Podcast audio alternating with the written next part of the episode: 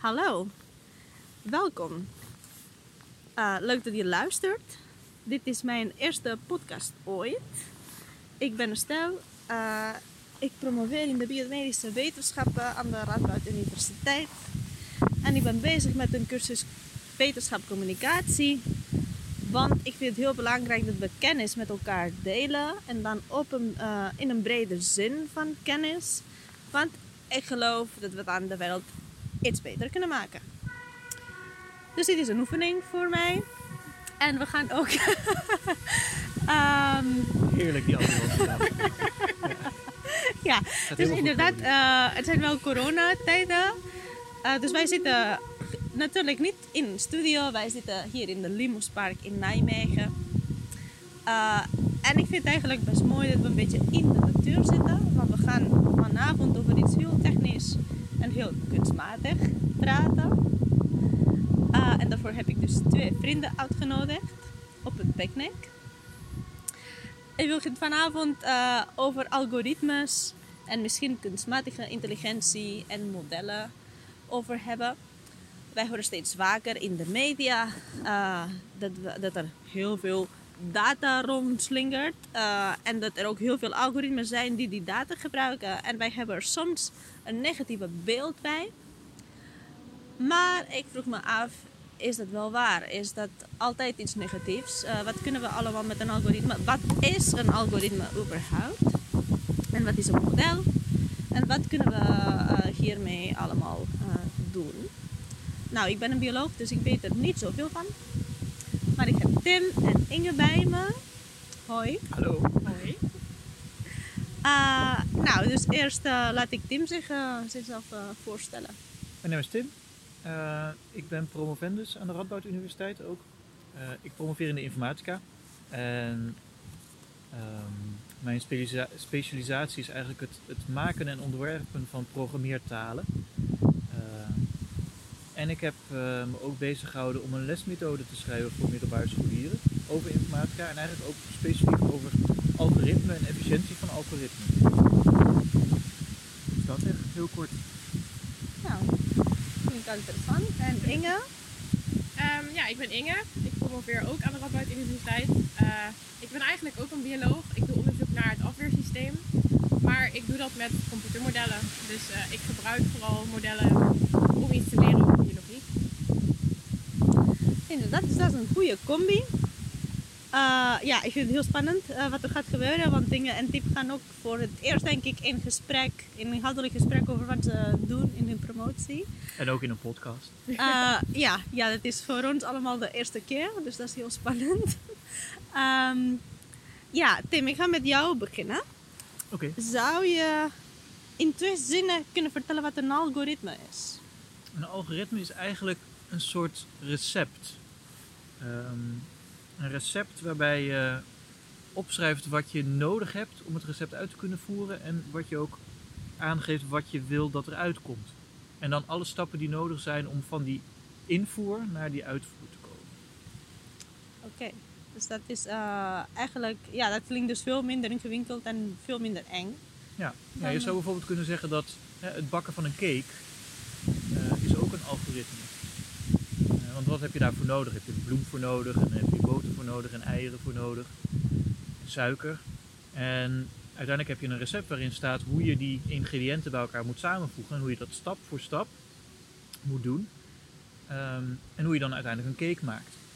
En uiteindelijk heb je zelfs nog meer nodig dan alleen maar dat wat in de cake gaat, want je hebt ook een cakevorm nodig en je hebt ook een oven nodig. En in het recept, dus in het algoritme van hoe je een cake moet bakken, wordt dan ook gezegd: zet de oven aan op 160 graden, uh, mix de bloem en de suiker. En zo, zo werk je stap voor stap met de dingen die je krijgt, met de invoer, werk je stap voor stap naar de uitvoer, een gebakken cake. Um, dus eigenlijk is gewoon het meest simpele algoritme uh, is eigenlijk al gewoon iets wat in een kookboek staat.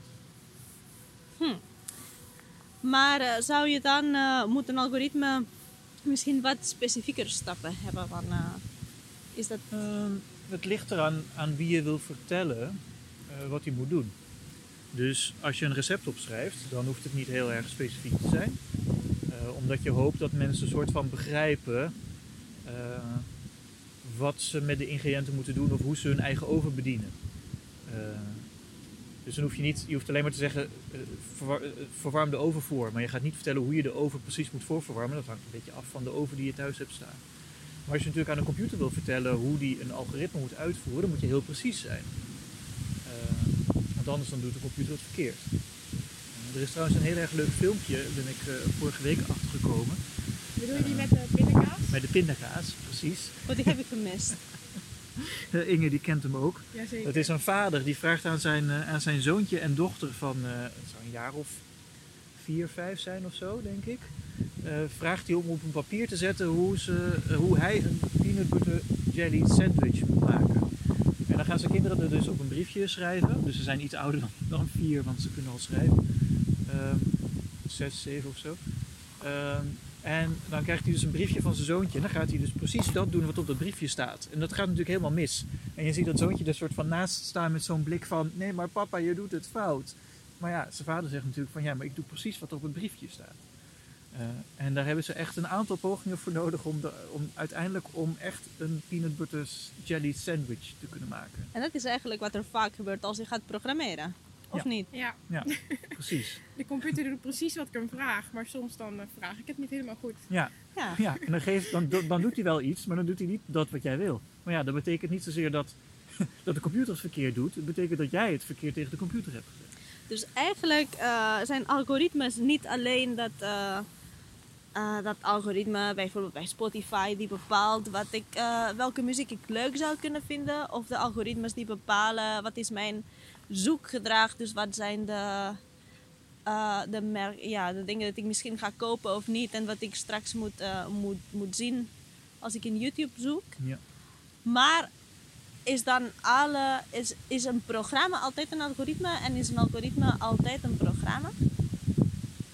Ehm, een programma, ik zou eerder zeggen dat een programma bestaat uit verschillende algoritmen. Eh, dus dat betekent dat hè, het, het programma Word op je computer is niet één groot. Ja, bestempelen we meestal niet als één groot algoritme, maar meer dat het allemaal kleine algoritmen bevat die samenwerken en op een gegeven moment het programma Word vormen. Bijvoorbeeld. Eh, is een algoritme altijd een programma? Nou ja, net bijvoorbeeld met het voorbeeld van het bakken van een cake. Ja, dat is niet meteen een programma. Eh, maar het is in principe wel een algoritme. Wel een script, ja. Ja, ja dus je hebt Nou ja, voor alles wat je wilt uitvoeren met een computer heb je tenminste één algoritme voor nodig. voor, voor als je iets met een computer wil uitvoeren, dan, heb je daar een, dan is dat eigenlijk een algoritme omdat je de computer vertelt wat die stap voor stap moet doen. En dan heb je eigenlijk ook een, een programma. Omdat we, ja, een programma is meer een soort van ehm, instructieset die je aan een computer geeft. Mhm. Terwijl een algoritme is in mijn optiek is wat algemener. Eh, omdat je een algoritme kan je ook aan een mens eh, geven. Ehm, en dan is het geen programma. Want dan zeggen we niet dat een mens een programma Ah, uitvoert. oh. Maar wel dat hij misschien een algoritme uitvoert. Hm. Alleen als het eh, geen goede algoritme is, dan ga je geen eh, goede boterham krijgen. Bijvoorbeeld. Ja. Ja, ligt Volgens mij wat er op een interessant. gegeven moment gebeurt, is dat dat zoontje zegt, doe de pindakaas op de boterham. En dat die vader gewoon die hele pot erop gooit. bijvoorbeeld. Ja. Maar dat is dus te niet specifiek, Niet specifiek genoeg. genoeg. Ja. Terwijl je Want- natuurlijk wel mag verwachten van een persoon dat hij snapt wat Ja, de bedoeling is. Maar als je dus zo gaat uitvoeren als een computer, Ja. dan eh, moet je Ja. echt hele specifieke instructies hebben. Ja, en ik heb zo'n stukjes code, dus ik moest ook aan, aan, aan een vriend van mij eh, vertellen wat dan een functie was, bijvoorbeeld binnen een script. En dan ging ik ook dus eh, zeggen van ja, als ik een paprika ga snijden, dan heb ik een functie dat is eh, snijden paprika en een functie snijden courgette. En dan kan ik dat twee of drie keer doen als ik drie paprika's heb. Dat, dat was mijn manier voor dummies. Maar dat past Ja, er dat vind ik een mooie uitleg. Uh, Oké, goed. Uh, nou, functies, ja, functies is misschien te ver nu, dus wij gaan eh, vandaag het niet over functies hebben. Maar wij hebben dan, ehm, wij weten wat een algoritme is, wij weten dat het veel algemener is dan wij misschien dachten.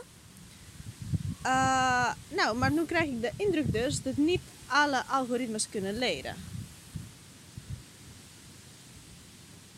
Dus niet alle algoritmes zijn AI-algoritmes.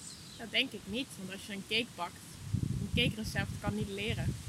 Klopt. Maar het is wel een algoritme. En En eigenlijk moet je je ook een beetje gaan afvragen wat het precies betekent dat iets leert. En de vraag is ook een beetje of een algoritme leert een algoritme zelf. Nee, een algoritme leert niet zelf, maar wij mensen hebben een manier bedacht om aan de computer te vertellen, met behulp van een algoritme, hoe die een ander algoritme kan leren. Of hoe die bepaalde patronen kan herkennen. Dus het gaat meer over het herkennen van patronen in data, in heel veel gegevens die Facebook heeft, die Google heeft. Uh, maar het is niet zozeer, of we zijn, nog, we zijn nog lang niet op het punt dat een algoritme echt een ander algoritme schrijft. Nee. Dus dat, uh, Dat eng, eh, eng verhaal dat een keer de computer gaan overheersen. Want ze worden slimmer dan, dan we zijn. En dan willen ze ook eh, macht hebben. Zie je Dat is echt als computers echt, echt zelf kunnen denken. En dat is, ehm, daar verschillende meningen heel erg over. En, eh, eh, ik ben iemand die dat nog niet zo heel erg snel ziet gebeuren, maar andere mensen die zien dat wel heel erg snel gebeuren. Ehm, Denk je wel dat het in principe ooit zou kunnen? Ehm, ik, mijn, en dat is echt mijn eigen mening. Ik denk echt dat het heel moeilijk is om uiteindelijk een computer te vertellen dat hij buiten de kaders moet denken. Want uiteindelijk zijn wij degene die een algoritme maken voor een computer. En die computer gaat aan de hand van dat algoritme gaat die dingen doen. Oh, hier er komt een hond. langs rennen. Ehm, maar als wij een computer niet kunnen vertellen hoe die buiten de gebaande kaders moet denken, dus een bepaalde creativiteit, zeg maar, dan die computer heeft zelf niet die creativiteit om daar dan over na te gaan denken, om dat te doen. Eh, wij leggen hem de regels op om een bepaalde puzzel op te lossen. Maar als die puzzel niet op te lossen is om, om met die regels die we hem geven, Mhm. En hij, de computer heeft niet de creativiteit om buiten die regels te kunnen denken, hoe, Ja. werkt, hoe gaat het dan werken? Maar hierin spiegelt wel, ehm, hier, hier komt wel, dringt wel door dat AI zelf is niet mijn vakgebied. Dus daar, hoe dat precies werkt, dat weet ik. niet. Nee, inderdaad. Nou, we- je zei een paar dingen waar ik eh, later eh, op wil komen. Maar eerst, eh, Inge, je doet dus meer, eh, je past al die algoritmes of eh, al die programma's en modellen, je past ze toe om inderdaad een biologische vraag of meerdere biologische vragen ehm, misschien deels te beantwoorden. Dus kun je ons eh, meer vertellen over wat je doet en hoe je het doet? Ehm, ja, ik dus, doe dus onderzoek naar dingen in de biologie.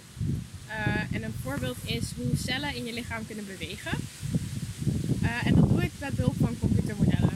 Eh, het idee is dat we denken dat ook hoe cellen zich gedragen, hoe ons lichaam zich gedraagt, daar zitten ook bepaalde regeltjes onder. Die ervoor zorgen dat iets wel of niet gebeurt. Eh, en wij hopen door die regeltjes na te bouwen, kunnen we kijken in, hoe, in hoeverre we die nu snappen. Want als ik dat na kan bouwen in een computer en er gebeurt dan hetzelfde als in het echt, dan zegt dat van misschien zitten we op de goede weg met hoe we dat begrijpen. En als er heel wat anders uitkomt, dan weten we dat we dus nog iets missen. En dan kunnen we dus ook langzaam gaan kijken, als we die celletjes met hun eigen gedrag dan bij elkaar stoppen, eh, wat gebeurt er dan?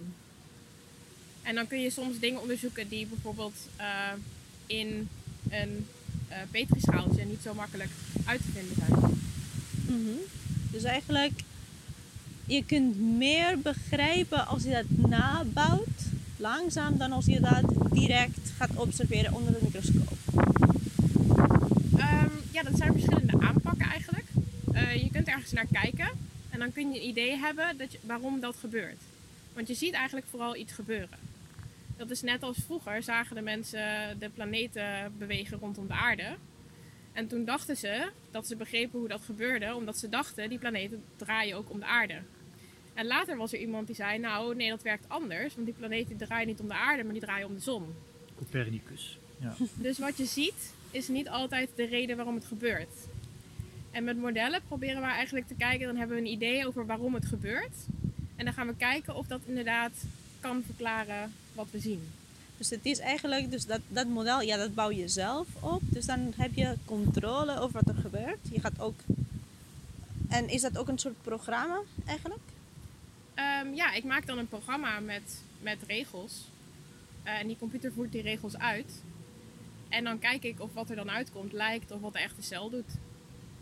Eh, en omdat ik weet wat ik er wel of niet in gestopt heb, kan ik dan iets meer zeggen over hoe dat gelinkt is tot wat ik zie.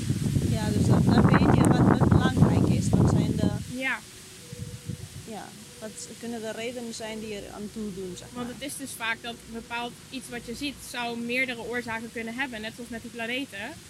Op eerste oog lijkt het misschien alsof ze om de aarde draaien. Maar uiteindelijk kun je het ook verklaren door te kijken, ze draaien om de zon. En dan blijkt dat ook de betere verklaring te zijn. Ja. Ja.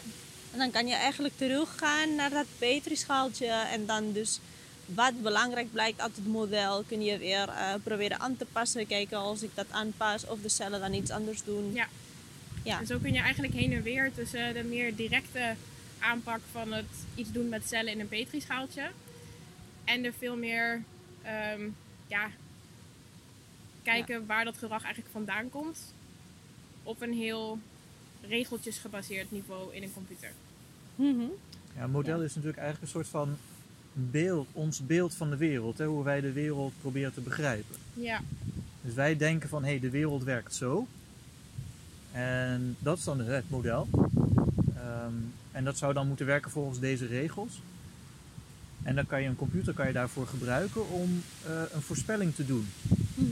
En dan ga je kijken of als jij die voorspelling doet aan de hand van de regels die jij hebt bedacht, aan de hand van het model wat je dus hebt opgesteld, of er hetzelfde uitkomt als dat je het experiment echt gaat doen in een petrischaaltje. en hierbij moet je denk ik het verschil, het onderscheid maken tussen een model en data. Dus data is wat wij zien in het dagelijks leven. Mhm. Bijvoorbeeld wij zien dat de planeten steeds op een andere plek aan de hemel staan. Ja. Dat is data. Ja.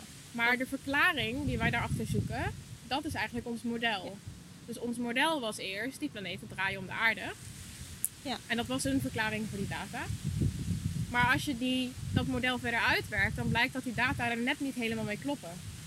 En het andere model, de planeten draaien om de zon, klopt beter met de data. ja, het kon meer verklaren en wij zagen dan ook als wij nieuwe data kregen, dat die data ook Ja. verklaard was door dat model. Ja, dat Dus het dat doet me een beetje denken. Ja. aan de modellen, bijvoorbeeld van de, ehm, ik ben het woord kwijt, van de mensen die nu dus de corona-uitbraak Mhm. bestuderen. En ik denk dat we dat nou ook hierdoor, door die, ja, de, de, jullie voorbeeld van de planeten en de aarde en zo kunnen beter kunnen begrijpen waarom is dat zo moeilijk om een, goed, een goede voorspelling te maken. Omdat je nooit eh, het model direct kunt zien. Ja. Kijk, voordat je, toen, toen je eenmaal een satelliet de ruimte in kon sturen, kon je dat model direct zien. Maar heel vaak in de biologie kunnen we dat model niet zien. We Mhm. kunnen alleen maar zien wat eruit komt. En dan is het dus heel moeilijk om te kiezen wat is nou eigenlijk het model. Soms dan lijkt het, als je naar sommige data kijkt, alsof het model klopt. Net zoals dat het eerst leek alsof de planeten om de aarde draaiden. Maar dan komt er iets nieuws aan het licht en dan blijkt het eigenlijk niet zo goed te kloppen. Dan lijkt je het ineens niet meer uit. Ja. Ja, en dat is eigenlijk ook een beetje zo hè, met, met de klassieke natuurkunde. Dat Newton, die een appel op zijn hoofd kreeg en had bedacht van... Oh, dit zijn, dit zijn mijn wetten en volgens mij werkt de natuur, natuur op deze manier. Dan heb je wet 1, 2 en 3. Maar het bleek dat dat heel erg goed werkt voor botsende auto's en voor voetballen en eh, allemaal dat soort dingen. Maar als je gaat kijken naar heel diep in materie en naar atomen en zo, dan blijken die wetten niet meer te gelden. Nee, inderdaad. En dan heb je blijkbaar een ander model nodig om te verklaren wat zich op die schaal, eh, ja, wat op die schaal gebeurt. Ja. En dat was de kwantumfysica? Dat is de kwantumfysica. Oh, gelukkig. Ja, heel goed. Ja. En iets moois om daarbij te bedenken is dat, ehm, ik weet niet meer wat zijn naam is, maar er is iemand die heeft ooit gezegd, alle modellen zijn fout, maar sommige zijn nuttig. En er is heel vaak het kritiek van het model is fout, maar eigenlijk is een model altijd fout, want een model is altijd een versimpeling. Het is altijd een versimpeling Van van de de, werkelijkheid. Altijd. Dat is ook heel mooi. Ja. Maar het ligt eraan wat je op dat moment wil doen. Dus als je bijvoorbeeld kijkt naar de aarde, die is rond. Dan kun je een globe maken, dat is een model van de aarde. Je kunt een kaart maken, die is plat, dat is ook een model van de aarde. En plat is fout, want de aarde is eigenlijk rond. Maar soms is het wel, Wel heel nuttig. nuttig. Maar het is nuttig. Ja. En je zou zelfs kunnen zeggen dat een globe ook niet helemaal een correct, eh, Nee, correct model nee, is. Want de aarde is niet perfect rond. En niet van plastic. Sowieso. Dat eh, klopt ook inderdaad. Nou, gelukkig is ze nog niet van plastic. Maar eh, wij moeten ervoor zorgen dat dat ook niet gebeurt. Dat is, dat is ook een, is een hele andere discussie, maar ook een hele nuttige Deze is voor een andere dag. Volgende podcast. ja, nou, maar dat is, dat is dus wel interessant. Een algoritme is dus een recept. En eigenlijk, eh algoritmes zijn niet alleen dus die enge, ehm, of ja, enge, of die algoritmes die gebruikt zijn om te weten wat je nou doet en waar je precies op vakantie gaat volgend jaar. Want dat weet je computer eerder dan je dat zelf eh doorhebt, zeggen ze. Eh, maar ja, dus alles wat je met een computer eh, moet doen of van een computer moet vertellen is een algoritme. En we hebben dus modellen over heel veel verschillende soorten data, dus ook over cellen. En dat kunnen we gebruiken om verder te komen in, in de biomedische wetenschappen, eigenlijk om ons eigen lichaam beter te, eh, te leren kennen. Dus dat is allemaal niet, niet zo eng als we dachten. Maar ik heb dus, eh dus team ging over ja, wat, wat een mens kan doen. Of wat een machine. Ja, je hebt het over creativiteit. Ja. En wij hadden het ook over kunnen, kunnen ja, komen we een keer op het punt dat computers eh, zelf kunnen denken en dat, dat dat allemaal uit controle loopt. En nou, dat is misschien ook een discussie met, met, dat wij met iemand anders zouden moeten hebben, maar over de creativiteit wil ik wel eh, met jullie praten. Want ook een keer met, met dingen gaat het ook- ook over dat ik ben, ja, ik, geloof heel erg in de mensheid en eh, in, in de denkkracht van de mensheid. En zei, ja, maar er zijn dingen dat een computer nooit voor ons kan doen, want wij kunnen dingen oordelen en een computer is gewoon een logisch programma en die zegt ja of nee. En wij hebben dus ook eh, ja, meer dan alleen een ja of een nee. Uh, maar ik kwam een stukje nieuws tegen. En dat vind ik een heel mooi voorbeeld van wat een algoritme, en dat is wel een AI-algoritme, dus echt uh, artificial intelligence, dus in het Nederlands uh, kunstmatige intelligentie. Uh, nou, dat, dat zijn namelijk algoritmes die uh, liedjes maken. En ik kwam op de NS een stukje nieuws tegen dat er een songfestival doorging dit jaar en dat is het AI Songfestival. En er zijn teams uit de hele wereld die dan AI-programma's uh, hebben geschreven. Die aan de hand van liedjes die ooit in een songfestival voorbij zijn gekomen, uh, die data allemaal gaan poelen. Dus dat hebben mensen ook zo'n modelletje bedacht van wat is dan, wat bestaat een liedje uh, uit, zeg maar. Wat, wat zijn de componenten? En dan gaat die, die machine aan de hand van voorbeelden een beetje leren wat is dan een succesvolle liedje voor een songfestival. En dan gaat die een, een, helemaal, een, een heel nieuw liedje bouwen. Dat was het idee. Uh, ik vond het, uh, ja, ik vond het wel geinig. Ik wist er niks van. Nee, ik ook niet. Um, ja, wat was je eerste gedachte, Inge, toen je dat uh, hoorde? Ja, ik vroeg me af of dat dan creativiteit was. Maar als ik het zo hoor, dan vraag ik me af of het niet eigenlijk het tegendeel van creativiteit is. Want is het niet juist het combineren van elementen uit bestaande liedjes? Terwijl Ja, een echte mij- artiest zou zoeken naar een manier om het anders te doen. Ja, want volgens mij stond ook ergens in het artikel iets van. ehm, eh, als je naar de nummers luistert, dan zul je ook merken dat het, dat het allemaal niet. ehm, dat het niet gemaakt is door een mens. En dat het allemaal heel. dat het een soort van vreemde muziek is. Ik heb uiteindelijk niet meer naar de liedjes geluisterd. Ik was wel nieuwsgierig om het te doen. Maar eh, volgens mij werd zoiets ook in het, in het artikel ehm, aangestipt. En ik denk, dat je, ik denk dat je wel gelijk hebt, Inge, dat in ieder geval op dit moment ehm, kunnen, ehm, kunnen wij de computer heel goed vertellen hoe die een stukje muziek moet herkennen.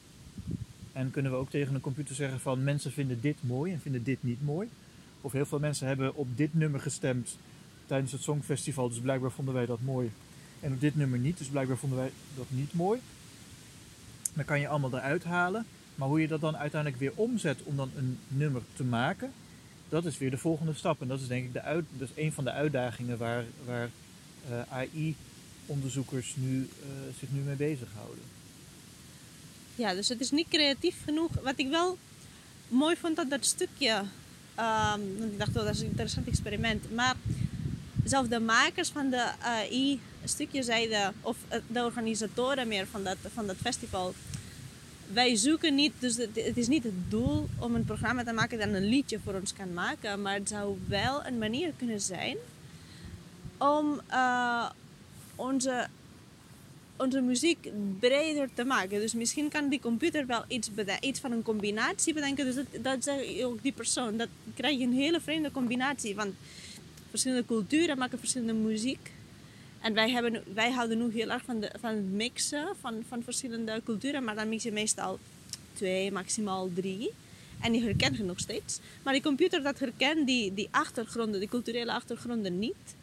En juist daardoor krijg je hele aparte combinaties. Maar misschien daartussen vinden we iets dat ons kan inspireren. Ja.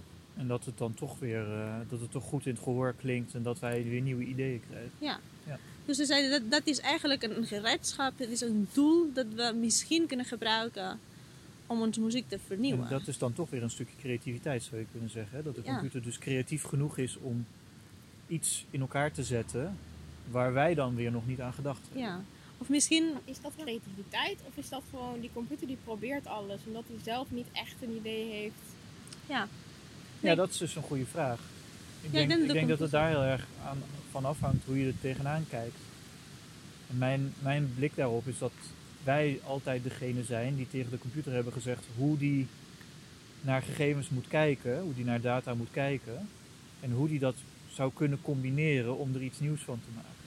Maar is dat Wij in zekere zin niet ook wat er met een mens gebeurt? Die wordt opgevoed en, op, en opgegroeid in een bepaalde cultuur? En dat is, dat is inderdaad dus ehm, wat je uiteindelijk ook zou kunnen zeggen, is dat het bij een mens ook gebeurt. En dat gewoon de hersens van een mens een dusdanig ingewikkeld algoritme eh, implementeren, gebruiken, dat wij stiekem precies hetzelfde doen. Alleen we- dat wij nog niet begrijpen hoe dat werkt.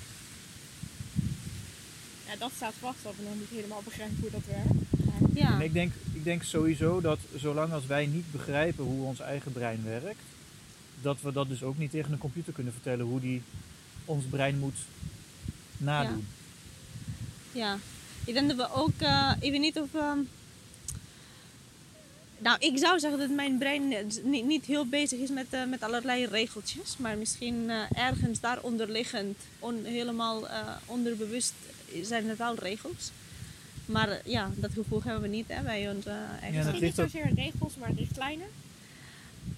Ja, zeker aangeleerde culturele achtergrond. Ja, Ja, het ligt ook heel erg aan denk ik, op welk niveau je ja. kijkt. Want als je dit aan een, aan een fysicus zou vragen, dan zou die zeggen, ja, maar de regels in je brein, dat zijn gewoon de regels van de kwantumfysica. ja, Maar ja, als, je aan een, eh, eh, als je aan een chemicus zou vragen welke regels zitten eronder, dan zou die zeggen, ja, maar er zijn, er zijn allemaal stofjes die Ja, dingen doen. ja zo, zo kan ik mijn brein ook zien, maar dan mijn gedachten zijn dus veel ingewikkelder. Ja, inderdaad, dus die Ja. neuronen. Ja, zo het denk ik een- ook is- als het is een bioloog. beetje- maar dat is dus precies. En als bioloog zeg je dan weer van ja, eh, het kan ook zijn dat je op een bepaalde manier opgevoed bent en dat heb je opgeslagen. Oh, maar, ja, maar dat is nou zo als socioloog. Dat Dat is als zo- socioloog maar, eh, zelfs. Ja, die neuronen die inderdaad met stofjes met elkaar communiceren. En eigenlijk, die, ik kan ook aan die neuronen denken als aan, aan die logische, dus eh, aan- of uitsteken van, Ja. van neuronen. Maar dan je gedachten, je creativiteit lijkt me dus iets dat we inderdaad niet begrijpen, omdat we, de complexiteit een stukje hoger is. Ja, maar dat zijn dus allemaal modellen hè, van de fysicus, van de chemicus, Ja. van de socioloog, Ja. van de bioloog. Ja, we hebben allemaal om een model. van ons brein te kunnen verklaren. Ja. Ehm, En de verklaring is waarschijnlijk een mix van alles. ja, en wat uiteindelijk het, het model is waarom wij kunnen denken zoals wij, zoals wij denken. Waarom wij creativiteit vertonen. Ja. Waarom wij nieuwe dingen kunnen maken uit de dingen om ons. Hm. Ehm, daar zou eerst een goed model voor moeten komen. Voordat we tegen een computer kunnen zeggen, Gaat het eens? ga dat eens, ga dat eens doen. Ja, dus ik denk dat we niet zo bang moeten zijn dat de computers eh, straks slimmer, nou ja, misschien slimmer op bepaalde gebieden, maar nooit zo complexer gaan denken. Eh, tenminste, nog niet, nog al lang nog niet. Maar wel dus, ehm, ja, om nog even dit gesprek even af te ronden. Ik dacht wel, nou, die algoritme, die, die hebben we dus dingen aangeleerd, maar zeker, dus die gaat wel ehm, iets anders eh, omgaan met onze muziek, omdat die dus juist die culturele eh, achtergronden niet heeft geleerd. Dat hebben we niet in, ingestopt. Zouden we kunnen doen, hebben we niet gedaan. Dus daarom kunnen we... Ik denk niet dat de computer creatief is, dat zie ik. Maar ik denk dat het wel een extra creativiteit is dat, dat niet gekleurd wordt door de cultuur. Want die computer heeft geen cultuur aangeleerd. Misschien dat het creativiteit zou kunnen oproepen bij de mensen die naar die computer luisteren. Ja, Maar het is gewoon een andere inspiratiebron. ja precies. Want je kunt ook geïnspireerd raken door de natuur of zo, maar dat maakt niet de natuur creatief. Nee. Ja. Nou, dat vind ik, oh, dat is, ja, dat is wel een leuk inzicht. Hm. Ik heb er zo nog nooit naar gekeken. Dat vind, ik- ja, vind ik wel een mooi inzicht. Ja. Nou, ik denk dat dat inderdaad een mooie eh, afsluiting is. Dat is goed. Ja. Nou, dus we hebben weer wat geleerd, denk ik, over... Zeker. Ja. ja, volgens mij hebben wij ook weer dingen van elkaar geleerd. Dus Ja. dankjewel Estelle voor ons, eh, om ons samen te brengen en dit te doen. Ja, jullie bedankt voor de inzichten, inderdaad. En eh, misschien tot een volgende keer. Graag, leuk. Ja. Ja, mooi. Nou, even dit stoppen nu, hè.